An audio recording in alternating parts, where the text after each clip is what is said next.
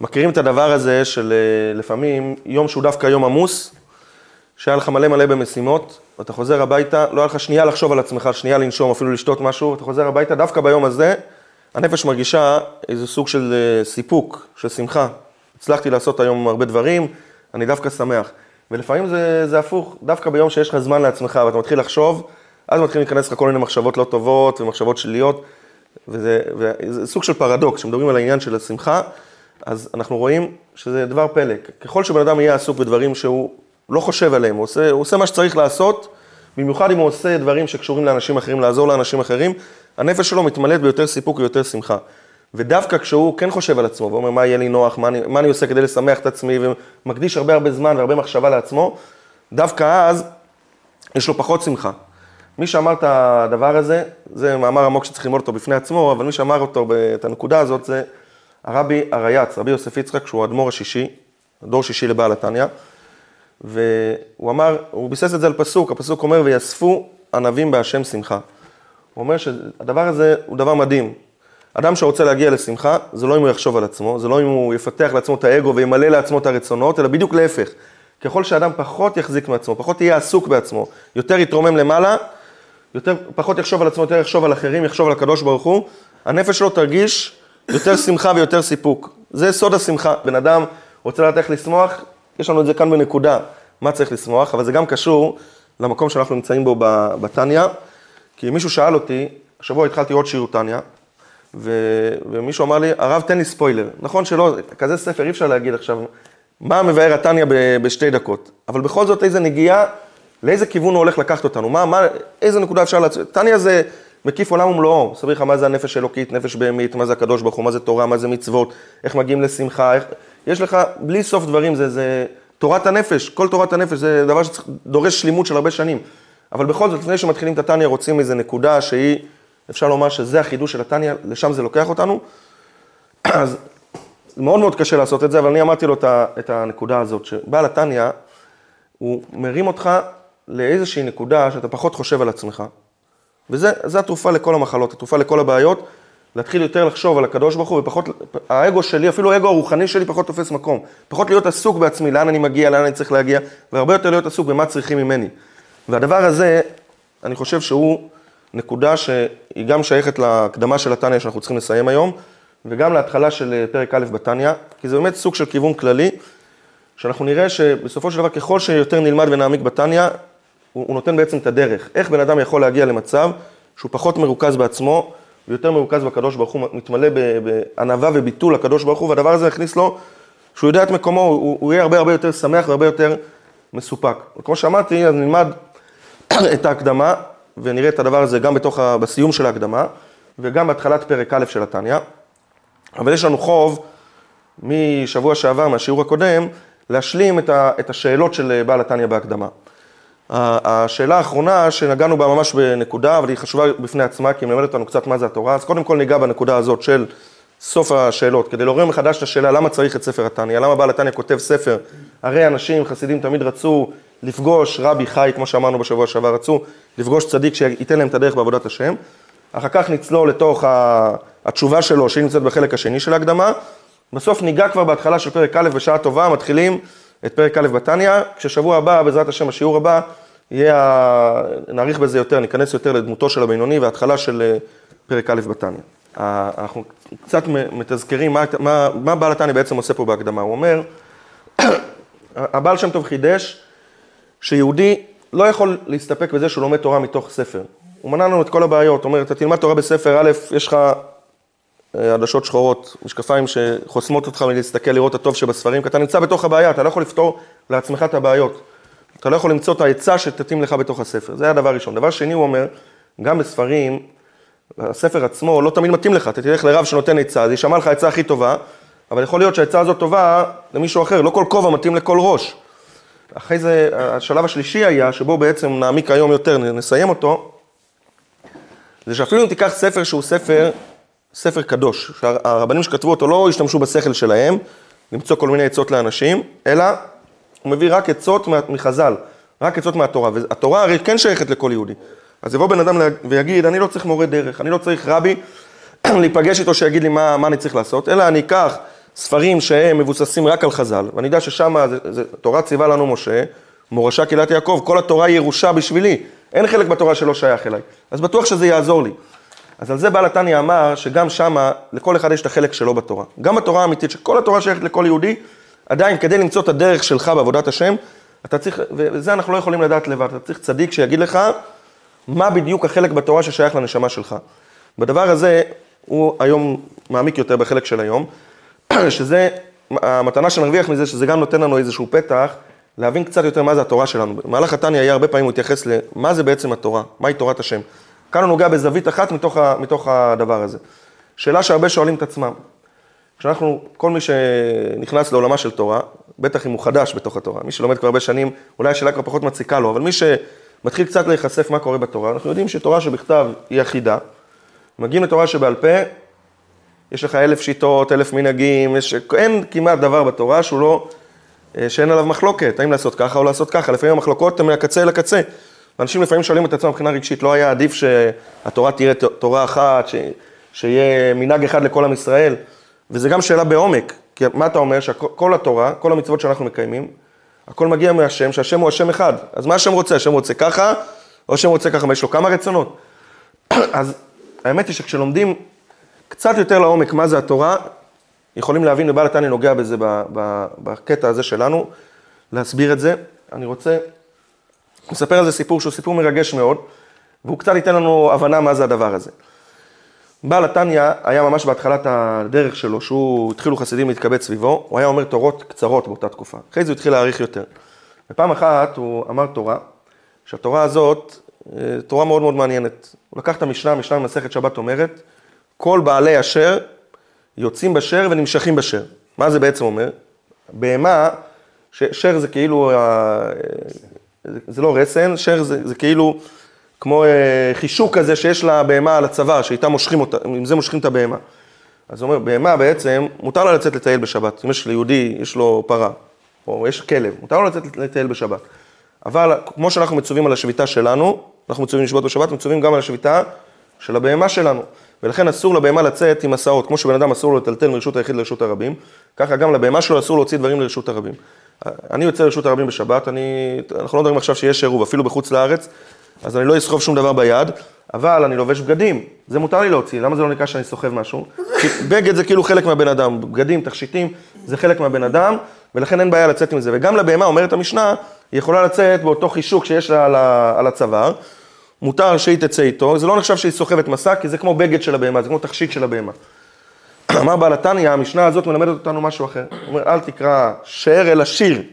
הוא אומר, כל בעלי, כל בעלי השיר יוצאים בשיר ונמשכים בשיר. הוא אומר, מה הכוח של ניגון? כוח של שיר, שהנשמות ומלאכים יוצאים ומתעלים בעולמות עליונים באמצעות השיר. ככה אמר בעל התניא, זו הייתה התורה שלו. היה שם איזה חסיד שהגיע מהעיר שקלוב, העיר שקלוב הייתה עיר גדולה לאלוקים, היה שם תלמידי חכמים עצומים, שבאותה תקופה אור החסידות עדיין לא הגיע אליהם. חלקם היו ממש מתנגדים, אבל חלקם, הם לא היו חסידים. היה אחד שהוא היה חסיד, חזר לעיר שלו, היה מואר מה, גם לשמוע את זה מבעל התניא, זה כנראה מאוד מאוד מרגש ומעורר. והתחיל לשתף את האנשים והגיע לבית כנסת. יודעים מה שמעתי מהרבי? שמעתי כל בעלי השיר יוצאים בשיר ונמשכים בשיר. אמרו לו, החברים התחילו קצת לזלזל, מה זה, זה, זה לא פשט. הם לא היו רגילים לרעיונות כאלה של פנימיות התורה של חסידות, היום חסידות מופצת בכל מקום, אז גם המקומות האלה שכביכול מתנגדים לחסידות, גם לומדים חסידות. אבל אז היה משהו שהם לא, לא, לא היו מוכנים לקבל אותו. עברה תקופה, ובעל התניא עצמו נסע, ובנסיעה שלו הגיע לאותה עיר. שמעו שבעל התניא הגיע, ואז כבר יצא שמו, הוא היה, גם היה גדול מאוד הרי בהלכה. אנחנו יודעים שאדמו"ר זקן בעל התניא כתב שולחן ערוך. הרב, שהגאונות של זה מפורסמת בכל ה, העולם, הם ידעו שהוא ענק בתורה, אמרו בוא נבדוק. יש לו חסידות למכור לנו, אנחנו נבין מה זה, בואו, אנחנו רוצים דבר ראשון לדעת, האם השמועות שאומרים עליו שהוא תלמיד חכם כל כך עצום, הן נכונות. ביקשו מבעל התניא לבוא לבית מדרש המרכזי של העיר שקלוב, וכל גאוני העיר יפרסו בפניו את השאלות שלהם. היה שם אחד הגאונים הגדולים, קראו לו רבי יוסף קולבו. מה זה רבי יוסף קולבו? שכל התורה נמצאת בו, כל מי שיש לו שאלה בתורה, באים אליו. גם הוא היה שם באותו מעמד, בעל התניא אמר אין בעיה, הוא רק נעשה את זה בצורה מסודרת, שלא יהיה ויכוחים ולא זה. כל אחד ישאל את השאלה שלו, אחרי זה אני אענה על כל השאלות, אל תדאגו. הוא עלה על התיבה של אה, קריאת התורה, עומד על הבמה הזאת, הרב הזה שואל שאלה, שאלות חריפות, גאוני, הגאונים שלפני 300 שנה, זה 250 שנה, גאונים עצומים שאלו שאלות עצומות.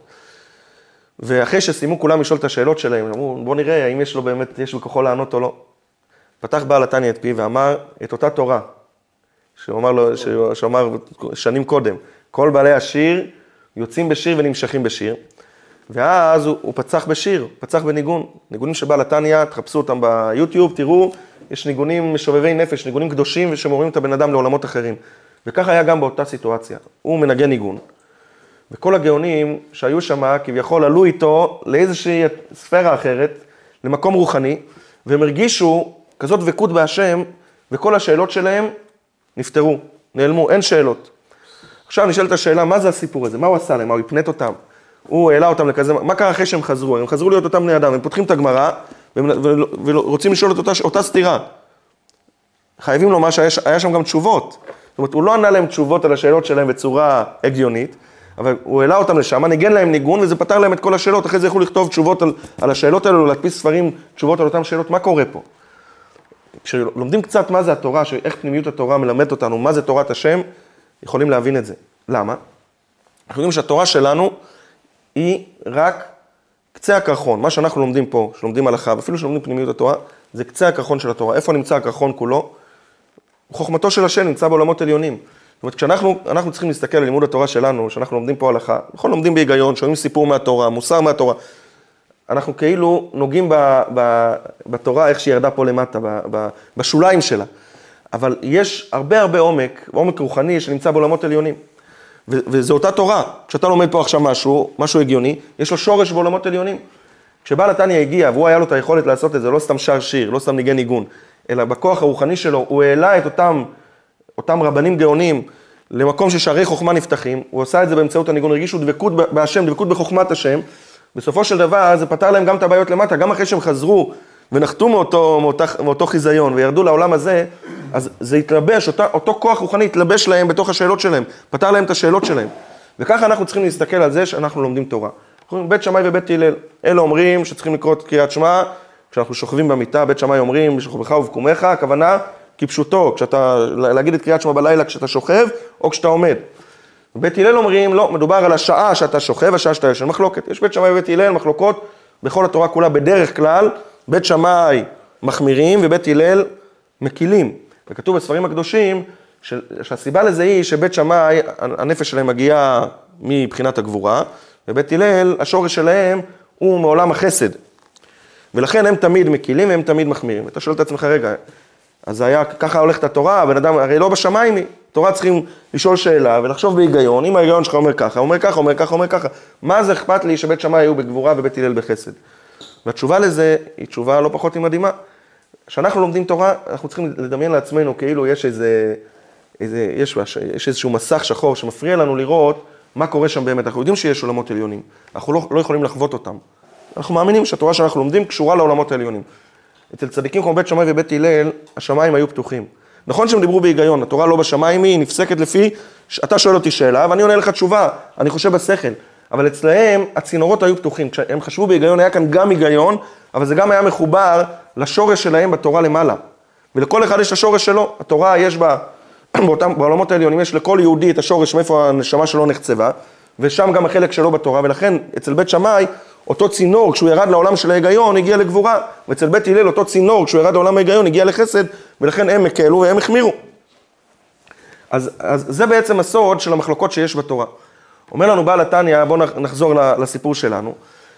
כאשר בן אדם ייקח ספר, והוא יהיה הספר הכי אמיתי שיש, הוא ייקח ספר של, של, של, של של מוסר ויראה שם תשובה, הוא יגיד לעצמו, טוב, זה, זה, זה חז"ל, מה שכתוב כאן זה אמת כלל אמיתתה, אז זה יכול להיות שזה הדרך חיים שלי. אומר בעל התניא, לא, יכול להיות שאותו צדיק שכתב את הספר הזה, אותו ספר, מאיפה הוא הגיע בשמיים, יכול להיות שהוא הגיע מעולם החסד, ומאיפה ואיפה הנשמה שלך מגיעה, הבעיות שלך הן מעולם הגבורה. אל תערבב בין זה לזה, אתה לא יכול לדעת אם נפלת על משהו שהוא נכון לך. זאת אומרת, בעצם, זה מחזק לנו את השאלה. זה שאנשים לא יכולים ללמוד לבד ספרים, והם צריכים מדריך, הם צריכים צדיק שיגיד להם, זה הדרך שלך, זה לא רק בגלל שהאתגר שלי הוא לא האתגר שלו, זה בספרים רגילים. גם בדברים שהם תורה אמיתית, הצדיק שהיית נכנס אליו ליחידות, היית נכנס לפגישה עם הצדיק, ובאת לרבי, והוא ראה, גילית לו מה יש בתוכך, מה מציק לך בלב, הוא מצא לך תשובה בתורה, בגלל שהוא ידע את שורש נשמתך, הוא ידע להתאים לך בדיוק את החלק בתורה ששייך אליך. ואז התשובה הייתה תשובה אמיתית. אומר בעל התניא, אני עכשיו כותב ספר, אני אשלח לחסידים את הספר, הם מיד ישאלו את השאלה הזאת. גם אם כל מה שהבאת לנו זה הכל דרשות חז"ל, הכל מגיע מהתורה, יכול להיות שיש כאן, איך אני, אני פותח את הספר, אני לא יודע אם העצה שתהיה לי כאן, האם היא עצה שמגיעה משורש הנשמה שלי, או שעצה שמגיעה משורש הנשמה של מישהו אחר. איך אני יכול לדעת שזה בשבילי? לכן חסידים לא, היו, לא רצו לקבל את הספר, הם רוצים מפגש אמיתי עם רבי חי. זו בעצם השאלה, זה בעצם, אם, נסכם את כל השאלות שהיו לנו, גם משבוע שעבר, זה הכל נקודה אחת. הם אומרים, החסידים, בעל התניא בעצם מציף את השאלה שהחסידים יגידו ברגע שהם יקבלו את התניא.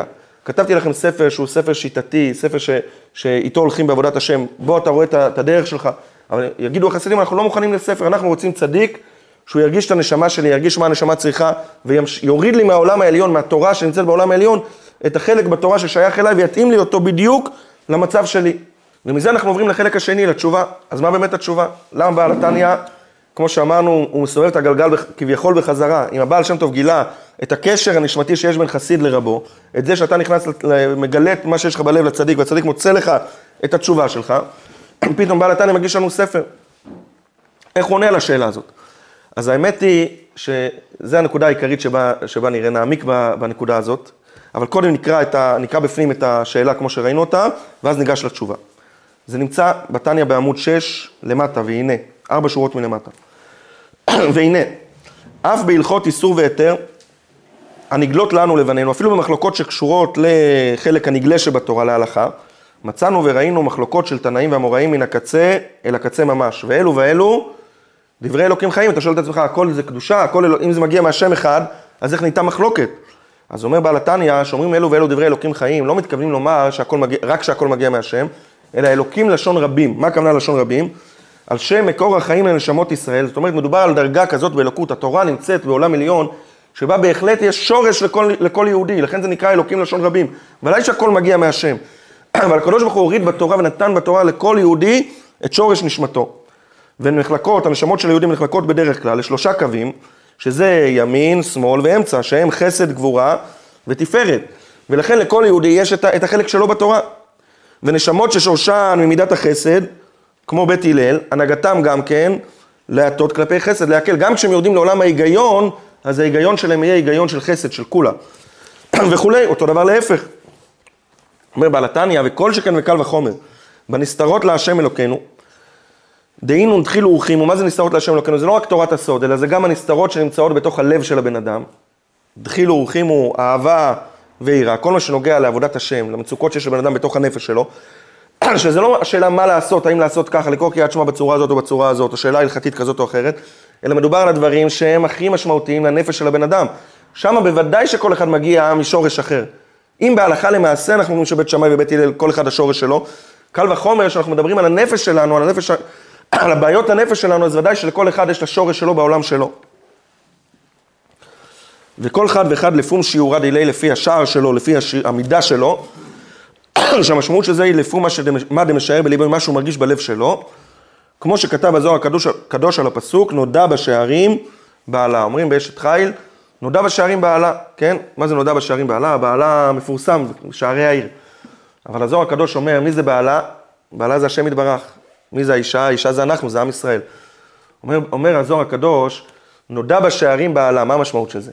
הקדוש ברוך הוא, שהוא הבעל שלנו, איך הוא נודע, איך הוא מתגלה? איך הוא מתגלה אלינו? על ידי שערים. לכל אחד יש את השער שלו, את השיעור שלו, את המידה שלו. כל אחד יש את הנפש שלו, אז גם הקדוש ברוך הוא מתגלה, הדרך בעבודת השם, הדרך להתקרב לקדוש ברוך הוא, של כל אחד ואחד היא דרך שונה.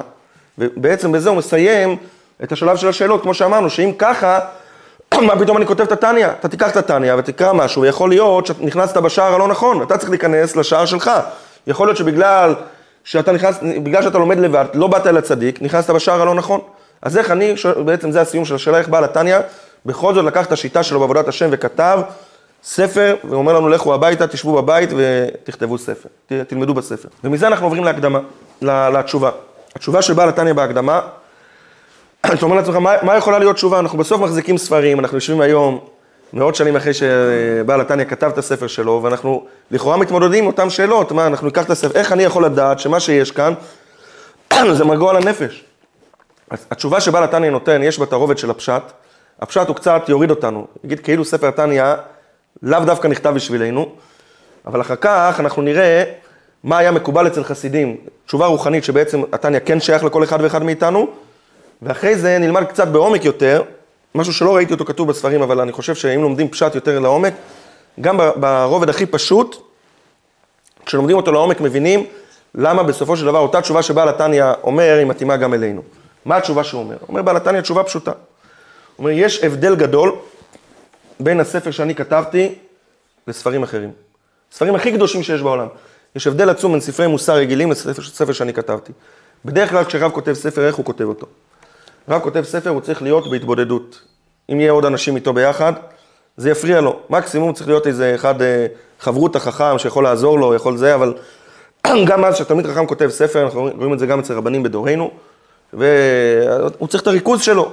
הוא יושב בחדר ספרים, פותח ספרים, מחדש חידוש, הוא צריך להיות מרוכז במיליון אחוז כדי להבין שמה שהוא הוריד, גם אם זה בהלכה וגם אם זה בדברי מוסר, גם אם זה בדרך בעבודת השם, אתה צריך את הריכוז שלך, אתה נמצא לבד, משם אתה מוריד את התשובות. אומר בעל התניא, הספר שלי נכתב בצורה אחרת. אני לא ישבתי לבד בחדר וכתבתי ספר. הספר שלי, אומר בעל התניא, הוא נכתב, מה שנקרא, בדם וביזע. אחרי שנים ארוכות שאנשים נכנסים אליי לחדר, אנשים נכנסים אליי ושופכים, חסידים שופכים בפניי את כל תעלומות ליבם, כל מה שמציק להם בעבודת השם, וביחד אנחנו מנסים למצוא את הדרך של כל אחד ואחד מהם בעבודת השם, הם גילו לי הכל, ומה שעשיתי בספר הזה, בסך הכל לקחתי את כל התשובות שנתתי לאותם חסידים, ואספתי אותם ביחד בשבילם, בשבילם, בשביל החסידים האלה, כדי שהם יוכלו, לא יצטרכו לבוא אליי עוד פעם, אלא הם יוכלו לקחת את התשובות שכבר עניתי להם, ואיתם לחיות במשך כל החיים. אז אומר בעל התניא, בספר כזה אין בעיה. מתי אנחנו אומרים שיש לבן אדם בעיה בספר שהוא לא יוכל אה, לראות מה כתוב בו, האם זה מתאים לו או לא מתאים לו, האם שורש הדברים הוא שורש נשמתו או לא שורש נשמתו. זה במקרה רגיל, כשרב כותב ספר, הוא יושב לבד בחדר ומוריד מהתורה אלינו. אבל ספר התניא נכתב ממכם, הוא אומר. הוא בא לחסידים וכותב להם מכתב, אומר לחסידים, אני כתבתי את הספר הזה לא רק בשבילכם, אלא מתוך הבעיות שלכם, כל הבעיות שלכם נמצאות בתוך הספר הזה. כשתראו את הספר, תקראו אותו, מה תרגישו? הוא מדבר אליי, הוא מדבר את הבעיות שלי, זה בסך הכל לזכור מה שבעל התניא אמר לי ביחידות. טוב, אבל אם ככה, חסידים באמת יקבלו את הספר, אבל כל אחד מאיתנו שואל את עצמו, אבל מה איתנו? אנחנו יושבים כל כך הרבה שנים אחרי, ואנחנו לא גילינו לבעל התניא את, את מה שקורה לנו בתוך הלב. אז לנו חוזרות הבעיות, אנחנו נפתח את התניא, מי אומר שמה שכתוב כאן זה מדבר אליי? מי אומר שהבעיה שלי בעבודת השם, שורש נשמתי בעבודת השם, נמצא פה בספר. אז כמו שאמרתי, על זה יש שתי תשובות. יש את התשובה שהייתה מקובלת אצל חסידים במשך דורי דורות, שהיא תשובה מאוד מאוד מרגשת. אמרו חסידים, היה מקובל אצלם, כך עבר מאות שנים מחסיד לחסיד, שבעל התניא, כשהוא כותב, שאני כותב את הספר הזה ביודעי ומכיריי, כותב את זה לאנשים שאני מכיר אותם לעומק מבפנים, הוא לא התכוון רק לחסידים שלו, אלא למי הוא התכוון? גם אלינו עכשיו, גם מי שיושב עכשיו בבית ו- ולומד את התניא, בעל התניא ראה אותו ברוח הקודש, ראה את הבעיות שלו, והוא טמן את הפתרונות לבעיות שלו בתוך, בתוך הספר הזה. במילים אחרות, כל מה שנכון לחסידים שבעל התניא נכון גם אלינו. ולכן, ולכן בן אדם כשהוא לומד את התניא צריך לדעת שיש לו כאן תשובות. אנחנו יודעים דרך אגב גם אצל הרבי, אנשים היו נכנסים ליחידות לרבי, שואלים אותו שאלות בעבודת השם, הרבה פעמים, לא באופן קבוע, אבל הרבה פעמים, בעיקר בחורים צעירים, בחורי ישיבה, שמה שהיה מעניין אותם בחיים זה רק עבודת השם, הרבי היה עונה להם תשובות מתוך התניא, יש על זה הרבה סיפורים. ממש בלשון התניא, היה לוקח לשון מהתניא, איזה שורה וחצי, אומר לך, הנה זה מה שמתאים לך. אז בעצם אומרים החסידים, בעל התניא חשב עליי ועליך, כשאנחנו יושבים היום ולומדים תניא, הוא טמן לנו את התשובה כאן בפנים. הגדיל לעשות הרבי הרש"ב, הרבי הרש"ב רבי שלום בר, שהוא בעצם היה דור חמישי לבעל התניא, האדמו"ר החמישי של חסידות חב"ד, הוא אמר הרבה יותר מזה. הוא אומר, בעצם כשאתה לומד תניא אתה צריך לדעת זה לא ספר. זה כמו פגישה עם בעל התניא. הוא אומר את זה, זה דבר שהוא מביא, מביא לחשוב עליו, אבל כשיודעים מי היה בעל התניא מבינים שזה דבר נכון. אנוכי השם אלוקיך. הקדוש ברוך הוא אומר, עשרת הדיברות שהוא התגלה אלינו, אנוכי השם אלוקיך, כתוב שהמילה אנוכי יש לה ראשי תיבות. מה ראשי תיבות שלה? ענה נפשי, ראשי תיבות בארמית, כתבית יהבית. במילים אחרות הקדוש ברוך הוא אומר, התורה, אני נמצא בתוך התורה. אני את נפשי, אני את עצמי, כתבתי ונתתי לכם. כשאתה לומד תורה, תדע לך שהקדוש ברוך הוא בעצמו נמצא בפנים, אתה פוגש את הקדוש ברוך הוא. אמר האדמו"ר החמישי, רבי שלום בר, שהוא היה אחד מגדולי מגלי סודות התניא בעולם, כתב ספרים על גבי ספרים על התניא, והוא אמר, צריכים לדעת שבעל התניא, צדיקים דומים לבורם, הכניס את עצמו גם כן בתוך הספר. זאת אומרת, כשאתה לומד טניה, זה לא שפעם הוא חשב עליך ברוח הקודש, אלא גם עכשיו שאנחנו לומדים טניה, בעצם זה סוג של מפגש רוחני עם בעל הטניה, שהוא רואה בדיוק מה, כמו שאתה נכנס ליחידות, לצדיק, כמו שהצדיק רואה בדיוק מה קורה לך בלב, גם בעל הטניה רואה עכשיו, ברגעים אלו, מה שקורה לנו בלב, הוא עוזר לך למצוא את הדרך שלך ואת התשובה שלך. זו התשובה הרוחנית. זה גם, גם נותן לנו צורה של גישה, איך לומדים טניה. לא לומדים כאן רק עם השכל, יש כאן הרבה הרבה עניין של רגש, של הכנה אמיתית, יש כאן ספר של קדושה, אם בעל התניא נמצא בפנים והתשובה, הנפש שלי והנפש שלו מתאחדות, כשאנחנו לומדים את התניא, זה מפגש עם בעל התניא, זה לימוד אחר לגמרי. אבל כמו שאמרתי, יש גם תשובה שהיא עמוקה יותר, ושמעתי אותה דווקא מיהודי, לא, לא אחד שלמדתי ממנו טניה, יהודי שלמדנו ביחד טניה, במשך שלוש שנים, לפני לא הרבה זמן, וסיימנו את הטניה, ובמסיבה של הסיום, הוא דרך אגב היום בעצמו מלמד טניה יהודים אחרים, היום רב קהילה באשדוד, ומלמד הרבה חסידות, מלמד הרבה טניה בעצמו. אבל אז באותה תקופה, אני זוכר את הדרשה שלו כשעשינו את הסיום. והוא אמר משהו שאני מאז חזרתי על זה הרבה פעמים, כי אני חושב ש... אני לא יודע אם הוא התכוון לבאר את ההקדמה של הטניה, אבל הוא אמר משהו מתחושות ליבו, שבעצם נותן לנו קצת להבין את העומק של התשובה שבעל התניא נותן, נותן כאן בפנים. כלומר, אני רוצה להגיד לכם, מה ההבדל בשבילי בין התניא לבין ספרים אחרים שלמדתי. הרבה פעמים, למדתי הרבה ספרי מוסר. מה היה החידוש הגדול של התניא? הוא אומר את זה אחרי שהוא סיים ללמוד את כל התניא. הוא אומר, אני מגיע מעולם הנדל"ן, מתעסק בנדל"ן, ואתה עכשיו בא בן אדם, לקוח, קנה דירה חדשה, ומכירים את זה, יש תמיד את ההתחלה, קשיי, קשיי בראשית, שיש הרבה תקלות בבית. יש לו איזה נזילה בסלון. מה עושה? דבר ראשון, מה עושים? מטייחים. למה זה נקרא שיש איזה בעיה, אומרים, מקימים ועדה ומטייחים. למה זה נקרא לטייח? כי יש לך נזילה, ואתה שם טיח, ואתה חושב שפתרת את הבעיה, זה נקרא לטייח, כן? אבל מה קורה אחרי לא, לא הרבה שעות, מקסימום אחרי יום, אתה פתאום רואה שהמים נוזלים, לא עזר שטייחת. טוב, ואם אינסטלטור רציני, שהוא מאתר את מקום, מקור הבעיה ומתקן. עוברים יומיים, שלושה ימים, יש לו בתקרה גם כן אה, נזילה. עוד פעם קורא לאינסטלטור, אה, מגיע, מתקן, הכל על חשבון החברה, זה בית חדש. עוד שבוע, בחדר השני, בקומה השנייה יש בעיה. בקיצור, הוא רואה שיש כאן איזושהי בעיה רצינית יותר, יש כאן בעיה מהותית. פה זה נזילה, פה בעיה בחשמל. אומר, צריכים לפתוח את הקלפים מחדש. לפתוח את התוכניות האדריכליות, להבין מי הייתה החברה שהתקינה, מי החברה שהביאה את הצינורות, מי, מי התקין את הדברים, אולי אה, השתמשו בחומר לא טוב, כן, מכירים את זה. אומר אותו יהודי, אומר, והסיום של התניא אומר, זה מה שהרגשתי שבעל התניא עשה לי. כל החיים היה לי פתרונות מקומיים. הייתה לי נזילה, לפעמים הייתי מטייח. לפעמים הייתי הולך פותר אותה באמת, הולך לאיזה רב, פותח איזה ספר מוסר. היום זה כעס, מחר זה לשון הרע. כל פעם, ו- וספרי מוסר אמיתיים, נותנים לך באמת עצות אמיתיות וטובות, מקומיות לכל דבר. מה אני מרגיש מה בעל התניא עשה? הוא נתן לי את המפה של הנפש. זה בעצם התחלת התניא, אנחנו הולכים ללמוד, החלק הראשון והיסודי מאוד בתניא, אני קורא לזה מסכת שלמה, מסכת, מסכת הנפשות. פשוט לדעת מה יש, לי, מה יש לי בתוך הנפש, ממה היא מורכבת. לפתור את הבעיה מהשורש.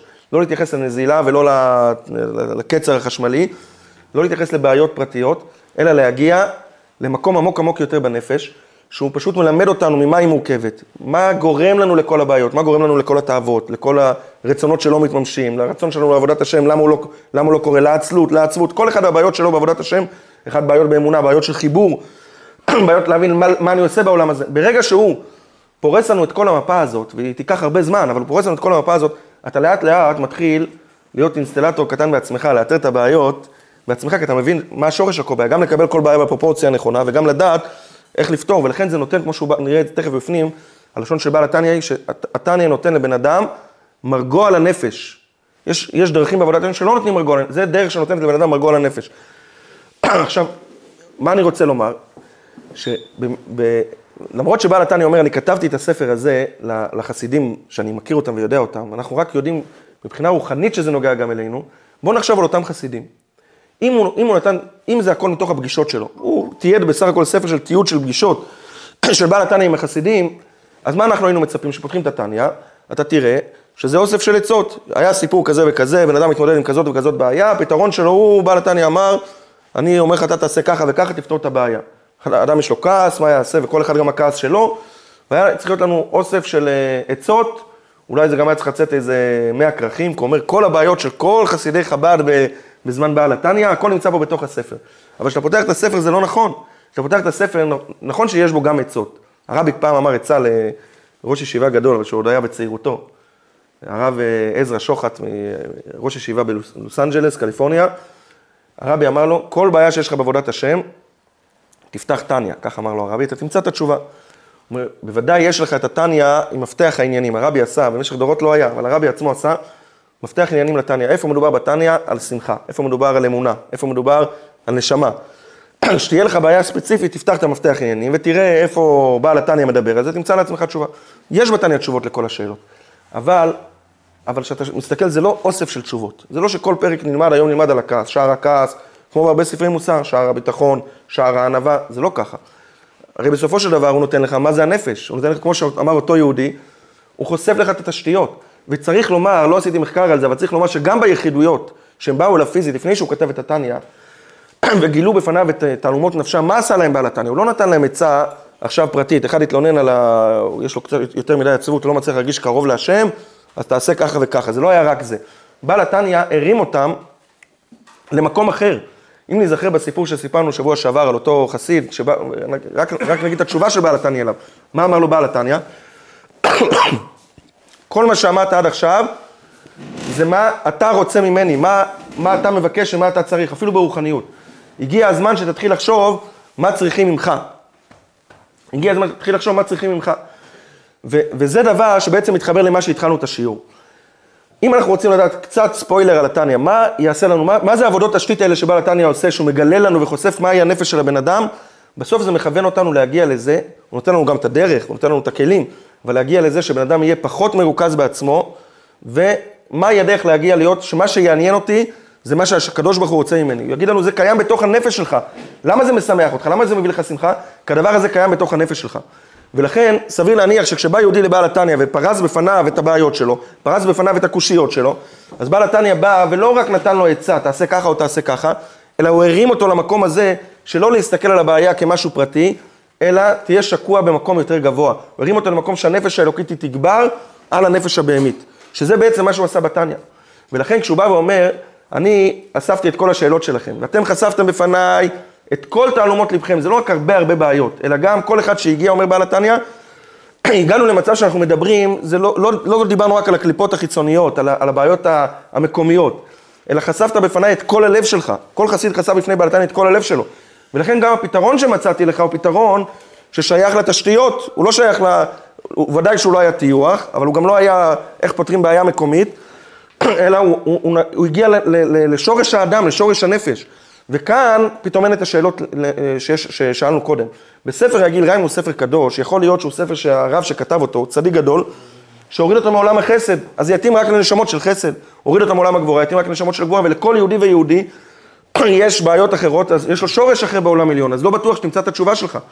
אבל ספר התניא, אומר בעל התניא, אני כתבתי אותו, לא, לא ירדתי לשורש של כל בעיה, אלא לשורש של נפש האדם. כל אחד גילה לי את תעלומות הלב שלו. ועוד יהודי ועוד יהודי ועוד יהודי, בסופו של דבר הגענו למצב שהורדתי מהתורה, בדברי חז"ל, ממה מורכב בן אדם. ואת זה אני הולך ללמד אתכם. זה מה שאמרתי לכם ביחידות, וזה אני כותב לכם גם בספר. אז אם אנחנו חוזרים אל, אלינו, זה לא רק עניין רוחני, שאתה אומר לעצמך, הספר הוא ספר ככל הספרים. אלא מה, שבעל התניא הכניס את עצמו בפנים, ואתה פוגש אותו, וברוח הקודש, יש כאן גם את הנקודה הזאת, הוא השאיר לך תשובה שתדבר אליך, רואים את זה הרבה פעמים שבן אדם פתאום לומד תניא, יש איזה ארבע שורות שתופסות אותו, והוא אומר, זה, אני מרגיש פה, פה נמצאת התשובה שלי, זה, זה מה שמחזק אותי, ארבע שורות האלה. וזה נכון, זה אמיתי. אבל התשובה הפרטית שלך מגיעה אחרי שבעל התניא חושף לך, וזו הבשורה האמיתית של התניא, את כל מה שקורה אצלך בתוך הנפש, בעומק הנפש, בעומק הנשמה. וכשאתה יודע את זה, אז כל הבעיות מקבלות פרופורציות אחרות. ולכן גם אם אנחנו נמצאים 100 שנה ו-200 שנה אחרי, אחרי שבעל התניא כתב את הספר, התשובה שהוא נותן לחסידים, למה אפשר כן ללמוד בספר, למה הספר הזה הוא לא ספר רגיל, היא תשובה שנכונה לא רק לחסידים של בעל התניא, אלא היא נכונה גם אלינו. הספר הזה הוא ספר חי.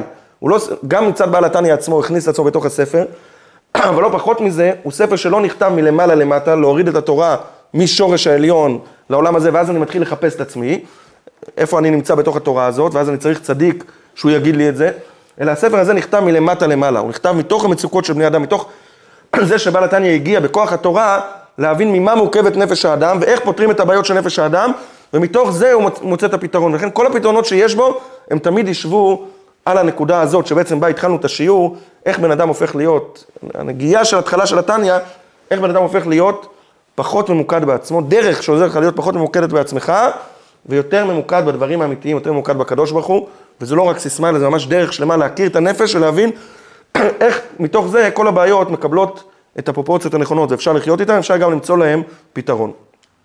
נקרא את זה בתוך התניא, אחרי זה נראה שיש גם הוכחה לזה מהחלק השני של, ה, של התשובה. אבל בעצם מה שאמרנו, כתוב כאן בפנים, החלק של התשובה בעמוד ד' בתניא, החלק השני.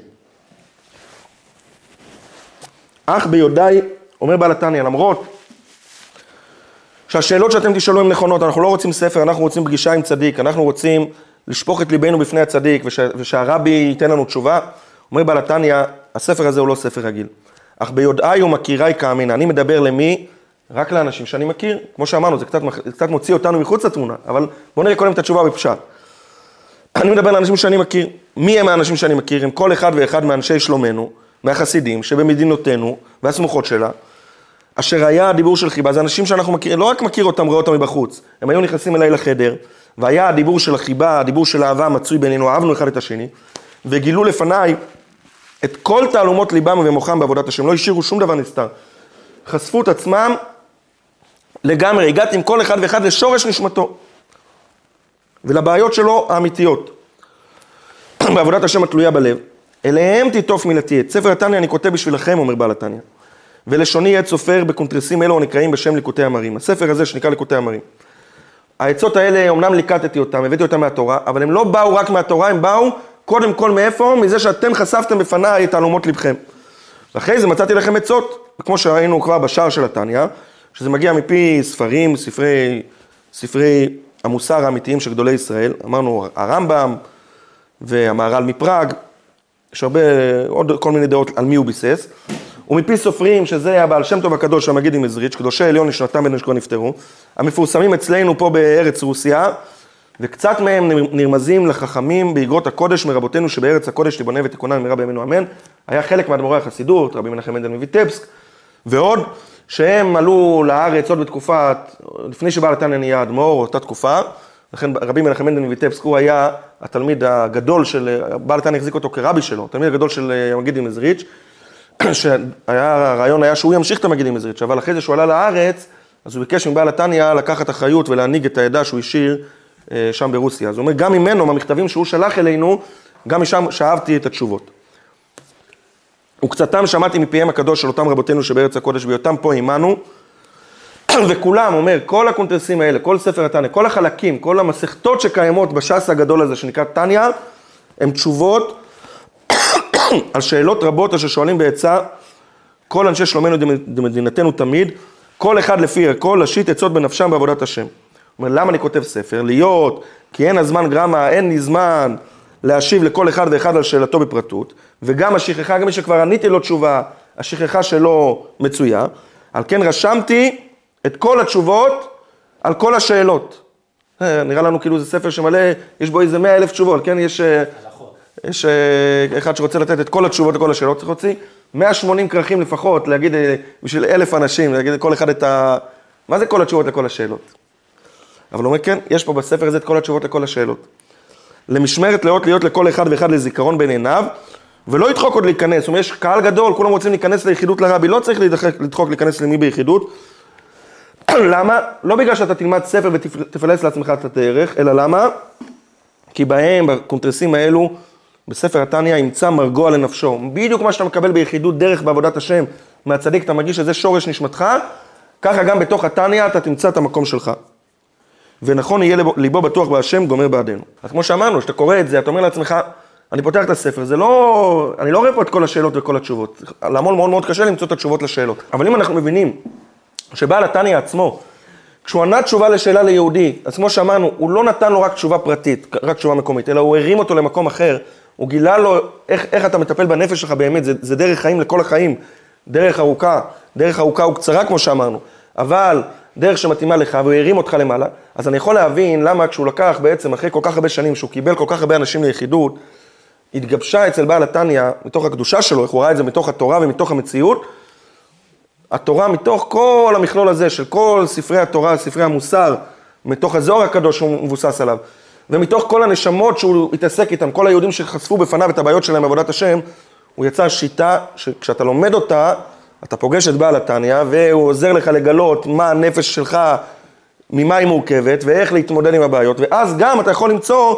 תשובה פרטית, תהיה גם, גם את הסגולה הרוחנית, למצוא את התשובה הפרטית לכל אחד ואחד, ולכן זה לא מדבר רק לאותם אנשים שחיו בזמנו, אמנם על פי פשט, הוא כאילו כותב זה רק עבורם, אבל אותה קבלה שהייתה בפי החסידים והאדמו"רים, שכשהוא כותב, שאני כותב את זה לאנשים שאני מכיר ויודע אותם, הכוונה היא גם אלינו, לכל מאות אלפי היהודים שלמדו טניה במשך uh, כל הדורות, במיוחד בדור שלנו, שזה מגיע למקומות שלא יאומן, שלומדים טניה בכל השפות וכל סוגי האנשים וכל רמות שמירת התורה, כולם לומדים טניה ומוצאים קירוב לקדוש ברוך הוא, מוצאים התחזקות לקדוש ברוך הוא, אז ברור לנו שבעל התניא הכניס כאן כוח אלוקי, הוא גם חשף את התשתית, מה זה בן אדם, וגם נתן לכל אחד ואחד את התשובה שלו. כמו שאמרתי, יש לזה גם ראייה מהחלק האחרון של ההקדמה. אומר בעל התניא, נקרא את זה בפנים ואחרי זה נדבר על זה.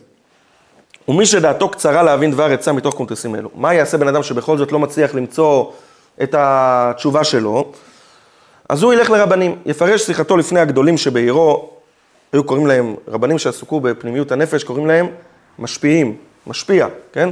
לך למשפיע רוחני, רב גדול שהוא באמת יודע מה זה טניה, יש לו מסורת, הוא יודע להסתכל ולהבין גם בנפש האדם, והם יבוננו, הם יעזרו לך להבין איפה המקום שלך בתוך הטניה. ולהם בקשתי, אומר לאותם רבנים, לא לשום יד לפה, להתנהג בענווה ושפלות של שקר, להגיד אני לא שייך לעזור לאנשים בעבודת השם, אני לא צדיק, אני לא זה.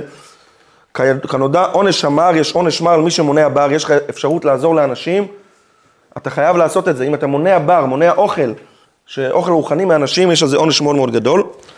וגודל השכר גם לא יודע, ממאמר חז"ל על הפסוק מאיר עיני שנאם השם, כשאתה עוזר למישהו אחר ברוחניות, אז הקדוש ברוך הוא מזכה גם אותך להגיע, אלף פעמים ככה, להגיע לרמות רוחניות הרבה יותר גבוהות, בסופו של דבר זה יהיה שווה גם לך, כי העיר השם פניו אליהם אור פני מלך חיים.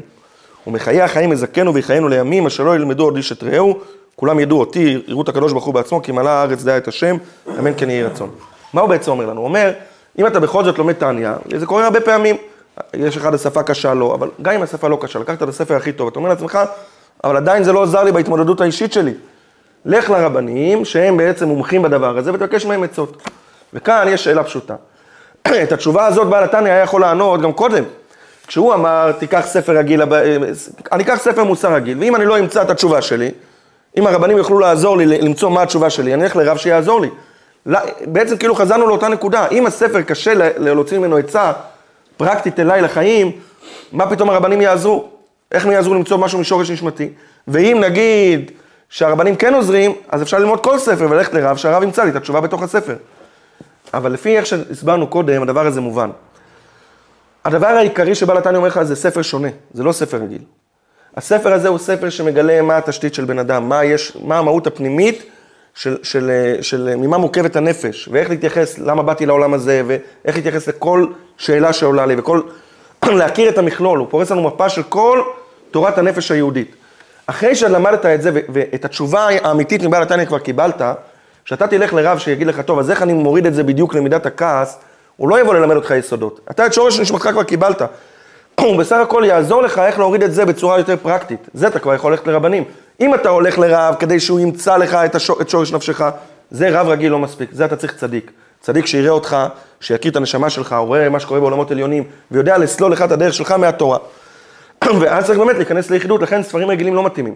אבל כשאתה מבין שספר התניא, הוא בא ומדבר אליך, על החיים שלך, ואתה תלמד אותו, אז את התשובה העיקרית, איך להתייחס לחיים, איך להתייחס לנפש שלי ולשליחות שלי בעולם הזה כבר קיבלת. אם אתה לא מצליח לעשות את ההתאמות, לזה יש לך את אותם משפיעים, אותם רבנים, שהם ידעו לעזור לך בעצם להגיע לתשובות בכוחות עצמך. כמו שראינו גם הלשון כאן, והם יבוננו, הם יעזרו לך להגיע עם, עם השכל שלך לתשובה, כי כבר יש לך את התשובה, התשובה נמצאת בתוך התניא שלמדת. והם יבוננו ויעזרו לך להגיע לתשובה הזאת. בעזרת השם שבוע הבא נתחיל את פרק א', פרק א' מיד יציף לנו את הנושא של הבינוני. כבר דיברנו על זה, זה ספר של בינונים. נדבר באופן כללי מה זה, מה זה בינוני ואיך אנחנו מוצאים את עצמנו בתוך, בתוך הדבר הזה, ונראה איך שאותו יסוד שלמדנו היום, שהמיקוד העיקרי של יהודי זה לדעת מה התשתית של הנפש ולהרים את עצמו לא להיות מונח בתוך האגו שלו, אלא להיות מחובר לחלק האלוקי שבו, איך הדבר מוצא, מוצא את עצמו בתוך החלק הראשון של התניא,